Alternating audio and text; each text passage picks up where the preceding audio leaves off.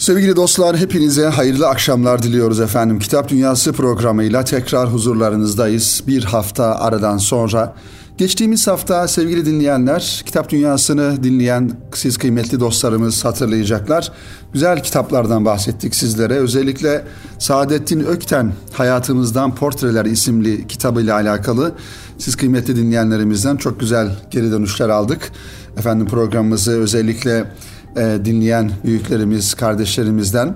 E, bu da bizi hakikaten sevindiriyor. İnşallah bu haftada yine sizin için hazırlamış olduğumuz güzel kitapları takdim etmeye çalışacağız sevgili dostlar. Bu vesileyle şu an radyoları başlarında dinleyen, bizi Türkiye'mizin her tarafında, doğusundan batısına, kuzeyinden güneyine dinleyen bütün dostlarımızı, bütün kitap dostlarımızı en kalbi duygularımızla ve muhabbetlerimizle selamlıyoruz efendim. Sevgili dostlar geçtiğimiz hafta malumunuz olduğu üzere güzel bir zaman dilimi yaşadık ve veladeti nebiyi Peygamber Efendimiz sallallahu aleyhi ve sellemin dünyayı teşriflerini ümmet olarak, ülke olarak, Müslüman coğrafyalar olarak idrak ettik ve bir kere daha Peygamber Efendimiz'e ümmet olmanın bahtiyarlığını, şerefini yüreklerimizde, kalbimizde ve duygularımızda hissettik kıymeti dinleyenlerimiz. Tabii bizim Peygamber Efendimiz sallallahu aleyhi ve sellem bizim için ne kadar kıymetli, ne kadar ehemmiyetli, ne kadar değerli bununla alakalı belki binlerce, yüz binlerce kitap yazılsa bunu biz ifade edemeyiz. Ama öte taraftan malumunuz olduğu üzere Avrupa'da başlatılan Müslüman düşmanlığı, İslamofobya denilen ve bunun bir takım devletler eli üzerinden eliyle yapılmış olması ve Müslüman coğrafyaları, Müslümanları rencide edici bir takım karikatürlerin, efendim yazıların, paylaşımların yapılmış olması gerçekten Müslümanları incitiyor. Ee, biz yine sabrımızı koruyacağız, sabrımızı kuşanacağız sevgili dostlar ama bir taraftan da bu yapılan davranışları, bu yapılan hareketleri en şiddetli bir şekilde telin edeceğiz, kınayacağız, lanetleyeceğiz ve özellikle Geçtiğimiz haftalarda Fransa'nın Cumhurbaşkanı e, Macron'un yapmış olduğu bu manadaki affedersiniz ahmaklıklar e, ve girişimler e, İslam dünyasında geniş yankılar buldu ve Müslümanların peygamberi her zaman Müslümanların da sahip çıktığı, başta Rabbimizin sahip çıktığı ve koruduğu bir manada manevi şahsiyetini koruduğu bir e, peygamber efendimiz ama ümmet olarak bizler de bugün ondan 1400 yıl sonra gelen kardeşleri olarak, onun ümmeti olarak, onun muhabbetini kalbinde duyan insanlar olarak, onu seven insanlar olarak biz onun haklarını, şahsi manevisini, her şeyini korumakla mükellefiz. Bu bizim imanımızın gereğidir sevgili dostlar. O yüzden Peygamber Efendimizle alakalı ne kadar çok e, onun güzelliklerini efendim paylaşabilirsek, ne kadar çok onun e, manevi şahsiyetini e, çoğaltabilirsek sevgili dostlar, bir ümmet olarak, bir ümmetin ferdi olarak e, bu da bizim sorumluluğumuzda olan bir durumdur. E, İslam düşmanlarına e, hiçbir zaman bunu e, bu fırsatı vermemek gerekiyor. Elbette ki Müslüman olarak biz onların kutsallarına, onların ilahlarına, efendim onların e, değer verdiği, onlara göre değer olarak addedilen şeylere hakaret etmeyiz. Bu bizim Müslümanlık şerefimize de yakışmaz. Böyle bir üslubumuz da olmaması lazım. Ama kendi değerlerimizi de sonuna kadar e, savunmak durumundayız sevgili dostlar. E, Peygamber Efendimiz sallallahu aleyhi ve sellemle alakalı direkt bir kitap olmasa da Okur Akademi'den çıkan bir kitapla sevgili dostlar programımızı inşallah devam ettirmek istiyorum. Okur Akademi'den çıkan İslam düşüncesinde müvvet e, başlığını taşıyor. Salih Sabri Yavuz imzasını taşıyan bu kitabı inşallah size takdim etmeye çalışacağım. İslam inancı açısından insanlık tarihi bir anlamda peygamberlerin tarihidir. Hani ilkokulda e, hepiniz hatırlayacaksınız okuduğumuz, ortaokulda okuduğumuz bazı kitaplarda şöyle bir tarih kitaplarında özellikle şöyle bir e, konu vardır. Hani insanlık aleminin efendim dünyaya dünyanın başlangıcından itibaren e, ilk çağ devri, orta çağ devri, efendim bilmem yakın çağ devri, yok taş devri, efendim cilalı taş devri gibi bir takım böyle tasnifler yapılır sevgili dostlar. Hiçbirinin aslı astarı olmayan şeyler bunlar. Bunları bize efendim Darwin teorisinin e, işte e, inancı olmayan e, bir takım insanların e, dayattığı ve bizim kitaplarımıza kadar giren yani insanoğlu bize göre sevgili dostlar bizim inancımıza göre insanoğlu'nun başlangıcı, insanlığın başlangıcı Hazreti Adem'le başlamıştır. Hazreti Adem bir peygamberdir. Bir peygamberin Cenab-ı Hak tarafından kendisine öğretilen, vahiy ile öğretilen ve alleme Adem'el esma dediği efendim Rabbimizin e, ayeti kerimede biz Adem'e isimleri öğrettik, her şeyi öğrettik, ilim verdik.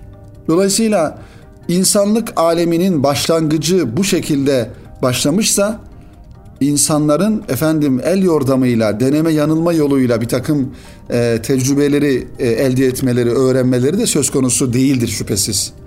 Onun için e, bunlar Darwin teorisinin uzantıları. Efendim işte taş devrinde insanlar şöyleydi, konuşmayı bilmiyorlardı. Yok duvarlara, taşlara çizgiler çizdiler, böyle anlaştılar aralarında gibi saçma sapan e, teoriler, düşünceler. Halbuki biz şuna inanıyoruz. İnsanlık tarihinin e, başlangıcı Hazreti Adem'ledir. Hazreti Adem Aleyhisselam da bir peygamberdir ve Adem Aleyhisselam'ın bir dili vardır, konuştuğu bir dili vardır. Efendim anlaştığı bir dili vardır. Öyle duvarlarda, taşlarda e, çizmekle e, muhatabına e, işaretlerle anlaşmak gibi bir şey söz konusu olmamıştır. Bir taraftan da baktığımızda orta çağ denilen tırnak içerisinde onların orta çağ dedikleri ve karanlık çağ olarak addettikleri maalesef aslında Peygamber Efendimizin yaşamış olduğu dönemdir sevgili dostlar. Bunun farkında olmamız lazım. Bugün birileri ideolojik manada orta çağ diye tırnak içinde orta çağ diye ifade ettikleri o kavramdan biz Peygamber Efendimizin aslında kutlu çağını, aslı ta- saadet çağını, sahabeyi güzin efendilerimizin dünyaya medeniyeti öğrettikleri ve Peygamber Efendimizin o Mekke müşriklerinden, Mekke'nin o toplumundan bir örnek nesil çıkardığı bir zaman dilimini anlamamız lazım. Hani zaman zaman literatüre de giren bir takım böyle e, başka düşüncedeki insanların söylediği orta çağ düşüncesine mi bizi götüreceksiniz? Orta çağı mı döndüreceksiniz gibi ifadelerinin altında yatan aslında tamamen bir peygamber düşmanlığı, bir din düşmanlığıdır. Bunların bunlara karşı dikkatli olmamız gerekiyor. Bu kavramların hangi anlam bağlamında kullandığının da kullanıldığının da sevgili dostlar farkında olmamız gerekiyor. Öyle gelişi güzel bu ifadeler kullanılmıyor. Bunlara karşı da uyanık olmamız e, gerekiyor diye ifadelerimizi e, belirtelim sevgili dostlar. Evet devam edelim kitabımıza. Allah'ın peygamberler göndermesi tarihe müdahalesidir. Tarih içinde kalıplaşmış yanlışların kökünden sökülüp atılması onlar sayesinde olmuş ve onlar insanları gaflet uykusundan uyandırmışlardır. Evet, dolayısıyla tarihe baktığımızda sevgili dostlar, nübüvvet dediğimiz hadise Hazreti Adem'den başlayıp Peygamber Efendimiz'e kadar e, gelen ve Peygamber Efendimiz Aleyhisselatü Vesselam'dan sonra da e, kıyamete kadar ola, devam edecek olan bir müessesedir. Aslında ilahi bir müessesedir nübüvvet dediğimiz olay. Ve e, yazarımızın da burada ifade ettiği gibi insanlık tarihine Cenab-ı Hakk'ın e, göndermiş olduğu liderlerden oluşuyor peygamberler. Her peygamber kendi döneminin, kendi milletinin, kendi kavminin lideri pozisyonundadır sevgili dostlar. Toplumsal ahlaki değerlerin oluşması ve düzenlenmesinden insanların ruhsal ihtiyaçlarının karşılanmasına kadar aklın tek başına karar verip oluşturmada yetkin olmadığı hususlar peygamberler ve onların mesajları sayesinde gerçekleşmiştir. Kur'an'ın tespitine göre Allah tarih içerisinde ulul azm adı verilen bir takım peygamberler göndererek tarihin akışını değiştirmiştir. Bu anlamıyla onlar insanlığa kurtuluşlarını gösteren işaret levhaları olmuş, gerçek kurtuluşun pratiğini e, göstermişlerdir. Biz sevgili dostlar Müslümanlar olarak Kur'an-ı Kerim'de adı geçen ya da geçmeyen bütün peygamberlere imanımız gereği iman ediyoruz. Amentu billahi ve melaiketihi ve kütübi ve rusulihi diyoruz. Bakın Orada Peygamber Efendimiz değil sadece. Allah'a, meleklerine, kitaplarına ve peygamberlere iman ediyoruz. İmanımızın şartlarından bir tanesi Peygamber Efendimiz başta olmak üzere ve bütün diğer peygamberlere de iman etmek. Hazreti İsa da bizim peygamberimiz, Hazreti Musa da, Hazreti Davud da, Hazreti Süleyman Aleyhisselam da vesaire. Diğer peygamberler bizim peygamberlerimizdir ve onlara biz imanımızın gereği onların hak olduğuna ve peygamber olduklarına iman ediyoruz. Ama Hristiyanlar bugün Yahudiler böyle değil. Onlar peygamberimizi inkar ediyorlar. Peygamberimize iman etmiyorlar ve etmedikleri gibi de kendi peygamberlerinin de peygamberlik e, sıfatını farklı bir düzlemde, farklı bir bağlamla değerlendirip o peygambere ilahlık addediyorlar. Onun için bizim farkımız burada e, ortaya çıkmış oluyor sevgili dostlar. İslam Düşüncesi'nin Nübüvvet dediğimiz bu kitap Salih Sabri Yavuz'un Okur Akademi'den e, ya, çıkarmış olduğu bir kitap dedik sevgili dostlar. Şöyle e, içine bir bakalım nelerden bahsediyor konular olarak. Kitap baktığımızda bir girişten ve iki bölümden oluşuyor sevgili dinleyenler.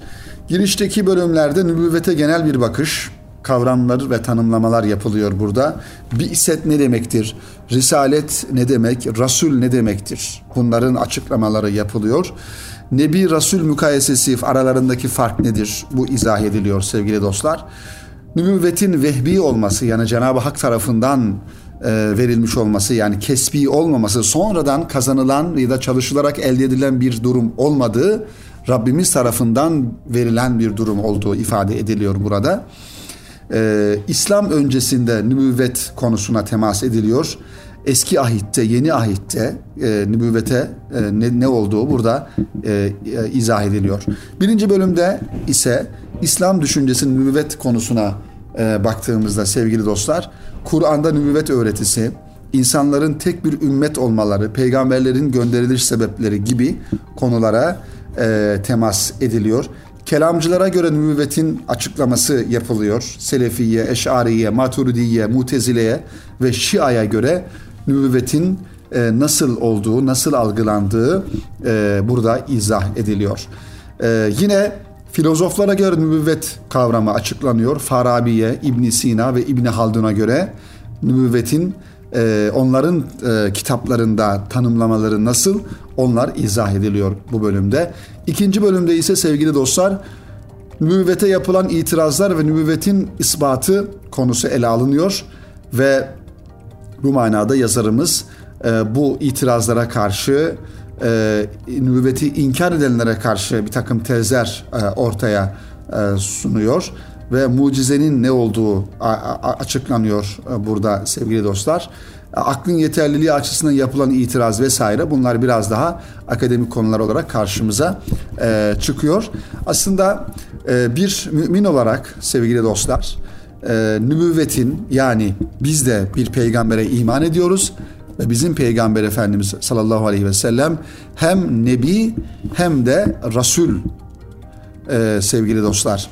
E, dolayısıyla e, kendisine kitap verilen Peygamber Efendimiz Aleyhisselam kendisine kitap verilen, Kur'an-ı Kerim verilen ama aynı zamanda Hanif dininin de bir takım yani bir, yönüyle e, Hazreti İbrahim'in e, dininin belli yönlerini devam ettirmesi noktasında da e, Peygamber Efendimiz sallallahu e, nebi olmuş oluyor kıymetli dinleyenlerimiz. E, bazı e, mesela peygamberlere bakıyoruz onların e, kitapları yok. Yani onlara ayrı bir ilahi kitap indirilmemiş. Ama dört büyük kitap dediğimiz hani İncil Hazreti İsa'ya, Tevrat Hazreti Musa'ya, Zebur Hazreti Davud'a ve Kur'an-ı Kerim'de bizim peygamberimiz Hazreti Muhammed Mustafa sallallahu aleyhi ve sellem Efendimiz'e indirilmiş dört büyük semavi kitaplar dediğimiz bunlar insanlık tarihi boyunca insanlığa e, medeniyet olarak efendim e, manevi olarak yön vermiş olan kitaplardır ve aynı zamanda o peygamberler de az önce de ifade ettiğimiz gibi kendi toplumlarının liderleridir, öncüleridir, tarihi şahsiyetlerdir kıymetli dinleyenlerimiz. Efendim bu kitabı sizlere bu şekilde takdim etmiş olduk. İslam e, düşüncesinde nübüvvet konusu güzel bir şekilde, detaylı bir şekilde ve akademik bir dille ele alınıyor. Okur Akademi'den çıkan Salih Sabri Yavuz imzasını taşıyor sevgili dostlar. Evet efendim şimdi kısa bir ara verelim Kitap Dünyası programına ve e, aranın ardından kaldığımız yerden Rasim Özden Ören okumak için 12 sebep başlığıyla bir konumuz var. E, okur e, dergimizden istifade ederek inşallah bu konuyu da sizlere takdim edeceğiz ikinci bölümde. Bir ayrılmayınız lütfen. Biz buradayız. Kısa bir aradan sonra birlikteyiz efendim. Sevgili dostlar tekrar huzurlarınızdayız. Kitap Dünyası programının ikinci bölümünde kaldığımız yerden devam ediyoruz efendim. Ee, birinci bölümün sonunda da ifade, ifade ettiğimiz gibi Rasim Özden Ören okumak için 12 sebep başlığını e, neden okuyalım e, serlevhasıyla Okur dergisinden Suavi Kemal Yazgıç imzasını taşıyan bir yazıdan efendim istifade ederek sizlere e, takdim etmeye çalışacağız. Suavi Kemal Yazgıç 1972 İstanbul doğumlu Gazi Üniversitesi Kamu Yönetimini bitirdi. E, editör aynı zamanda yazıları, şiirleri, hikayeleri pek çok dergide yer aldı. Sebepsiz Serçe, Taş Suya Deyince Heves, Tövbe Gölgeliği isimli dört şiir kitabı Pierre Carton müstearıyla Türk e, yazmış olduğu bir takım bazı kitaplar da var. Daha doğrusu mizah kitabı e, bulunuyor sevgili dostlar. 2019'da e, ise Dünyanın Çekmeceleri adlı öykü kitabını yayınlamış. Suavi Kemal Yazgıç beyefendi neden okuyalım diye bir sorunun cevabı olarak Rasim Özdenören'in okunması için 12 sebebi bize sıralıyor. Özellikle Rasim Özdenören'i tabii ki altını çizmek lazım sevgili dostlar. Ee, zaman zaman e, programlarımızda da ifade ediyoruz bu ismi ve isimleri. Yedi Güzel Adam'dan bir tanesi. Yakın tarihimizde köklerimize uygun ve e, değerlerimize e, uygun olan yayın yazar yazarlardan ve e, kitap yazan büyüklerimizden, e, düşünce insanlarımızdan bir tanesi Rasim Özdöneren. Dolayısıyla yeni neslin bu ve benzeri isimleri yakından tanımaları ve onları mutlaka okumaları, zihin dünyalarını örerken e, efendim kendinden olmayan, kendi e, düşüncesinden, kendi milli değerlerinden olmayan düşüncelerle zihinleri, beyinleri doldurmaktan ziyade daha kendimizden ve içeriden bize ait olan insanları e, okumamız gerekiyor. İşte neden okumamız lazım? Rasim Özenören'i niçin okumamız lazım sorusunun 12 tane cevabını burada bizlere e, hazırlamışlar. Suavi Kemal Yazgıç Bey biz de bunu sizlere takdim edelim sevgili dostlar. Rasim Özenören'in poetikasına nüfuz etmek için öncelikle toptancı önyargılardan azat olmuş bir zihne ulaşmak gerekir. Mesela Özden Ören, Ruhun Malzemelerinde, Ruhun Malzemeleri ismi bir kitabında bir uygarlık meselesi olduğunu ve adresin İslam'da olduğunu söylediği aşkın edebiyatı bir ufuk olarak karşımıza koyar. Özden Ören, Özden Ören için İslam tek adrestir adres olmasına da bundan onun hakkında İslami edebiyat kavramına olumlu baktığı sonucu çıkarılmasın. Kuramın üründen önce gelmesinin peşin bir kabul olarak benimsenilmesinin günümüz ürünlerini değerlendirmekte yetersiz kalacağını hatırlatan Özden Ören, önemli olanın kullanılan malzeme değil, esere konan ruh olduğunu vurgular ve Picasso'nun hat çalışmalarının biçim olarak İslami olarak nitelendirilmesine karşılık ruh olarak mensup olduğu Batı kültürünün bir parçası olmasını bu fikrine örnek olarak gösterir. Yani Picasso'nun çizmiş olduğu ya da efendim yapmış olduğu eserler çok kıymetli, e, estetik olsa bile onun bir Batı kültürünün parçası olmasından dolayı e, bir noktaya kadar bir ifade herhangi bir ifade e, anlam ifade etmediğini e, anlamış olmak lazım. Yani bağlamıyla alakalı mevzu. Üçüncü okumamız gereken sebep Rasim Özdönören için edebiyat hayattan bağımsız bir şey değildir. Tam tersine hayatın bir parçasıdır edebiyat. Özdönören'in kompartımanlardan oluşan bir zihin yapısı olmadığı için edebiyata ilişkin hayati sorular sorup hayata ve insana ilişkin ontolojik boyutları olan cevaplar veriyor ve hemen her yazdığından poetikasına ilişkin de ipuçları devşirmemiz mümkün olabiliyor.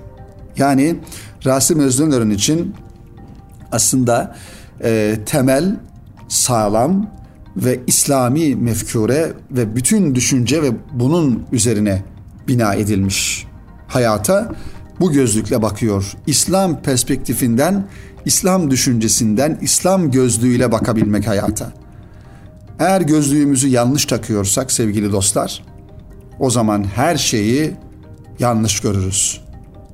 Şaşı bakarız hadiselere, meseleleri yanlış değerlendiririz. Bir defa ölçümüzü en başta doğru bir e, şekilde belirlememiz lazım. O da bizim ölçümüz İslam ölçüsüdür. Rasim Özönören'in şahitliğine başvuralım diyor yazarımız. Öykü, öykü anlatmaktır. İşte burada neyi anlatacağınız sorusuyla karşı karşıya kalırsınız. Gerçekten neyi anlatmak öykü olur? Bu soruyu nasıl anlatmak biçimine sokarsak daha açıklayıcı bir yaklaşıma gireriz. Öykü yazarı öykü biçiminde anlatmanın üstesinden gelebilen kişidir diyor Rasim Özünören. Öyküyü öykü kılan bu biçimdir de diyebiliriz. Evet, Ruhun Malzemeleri isimli kitabında bu ifadeye yer veriyor. Özden Ören'in zihnindeki nebulaya en yakın kitap zannediyoruz ki Hastalar ve Işıklardır. Evet, Rasim Özdöner'in sevgili dostlar bir dönem okuma fırsatımız oldu ve her dönem okunması gereken kalemlerden, isimlerden bir tanesidir. Rasim Özdönören, Sezai Karakoç, efendim Cahit Zarifoğlu. Bunlar İsmet Özel, bizim dünyamızda Necip Fazıl her dönem okunması gereken güncelliğini yitirmeyen yazarlar ve kitaplardır. Evet, Hastalar ve Işıklar kitabı dedik. Bir uyanışın öyküsüyle başlayan Hastalar ve Işıklar, ben kimim, burası neresi gibi temel ontolojik sorularla ilerler ve hayatla ölüm döngüsüne bir anlam arayışıdır adeta. Yine ikinci kitap Özden Ören'in çözülmede Rasim Özden Ören muhayyilesini genişletir ve yine bireyi kitabın odağına yerleştirirse yerleştirse de söz konusu bireyin bir ailenin içinde bulunduğunu görürüz. Ev, göç gibi temalarla ilerleyen kitabın temel temalarından ikisi değişim ve ölümdür. Bakın bütün bu konuları sevgili dostlar hikayelerinde, öykülerinde Rasim Özöner'in aslında hep bir sorgulama yaklaşımı içerisinde olduğunu görüyoruz. Ben kimim? Efendim ölüm teması, aile, ev, göç, zaman zaman mimariye dönük hikayeler, ruhla, psikolojiyle alakalı öyküler. Bunları Rasim Özdönören'in e, yazı hayatında göre, görebiliriz. Denize açılan kapı ise Rasim Özdönören'in o güne kadar anlattığı fiziki ve metafizik acıya tasavvufi bir boyut kazandırdığı kitaptır. Denize açılan kapı.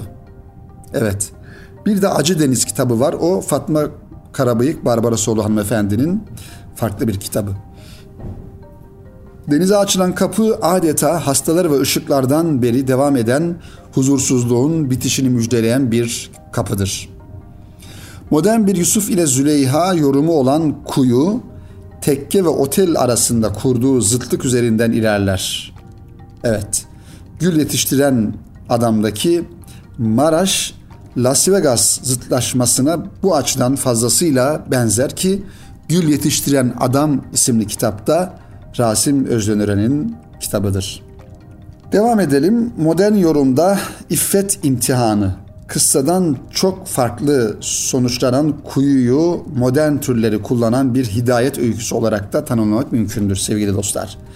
İmkansız Öyküler isimli kitap ise bir anlatma antolojisi olarak e, karşımıza çıkar.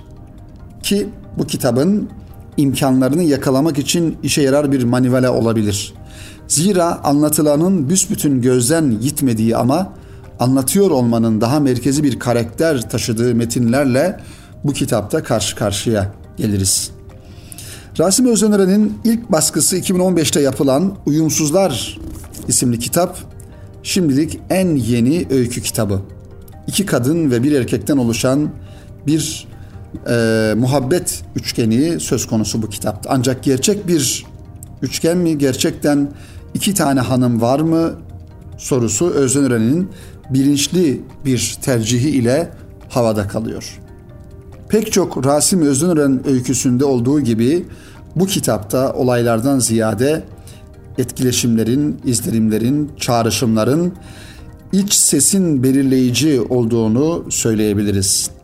Necip Tosun'un Rasim Özdenören'in öyküsü hakkında söylediği belirsizliğin çoğaltıcı ve zenginleştirici gücünü uyumsuzlarda fazlasıyla görebiliriz. 50'yi 50 yılı aşan bir yazı macerası var Rasim Özder'in ve her daim tazeliğini koruyor. Yazmış olduğu e, hikayeler de sevgili dostlar kitaplarda bir bütün olarak okumak gerektiğini söylemek lazım. Bu ve benzeri yazarları Rasim Özdenören'in bütün kitaplarını almalı ve kütüphanemizin bir köşesine koymalıyız sevgili dostlar. Ve o yazarı anlayabilmek için de kitaplarını baştan sona hepsini e, okumak gerekiyor. Bazen e, bir kitapla bir yazarın anlaşılacağı düşünülür ama bu doğru bir yaklaşım değil. Ee, özellikle düşünce e, üreten, mütefekkir olan e, yazarlarımızı bütün olarak bakmak ve onların kitaplarını da bütünüyle okumak lazım. Rasim Özdeneren, hakeza Karakoç, efendim Necip Fazıl, e, bu isimler özellikle bizim e, zihin dünyamızı etki eden insanlar olması dolayısıyla. Velut insanlar, ya gerçekten yazar insanlar. Yani e, düşünce ürünü olarak kalemlerinden e, sızan düşünce ürünleri çile insanları bunlar ve hakikaten sanatçı olan insanlar.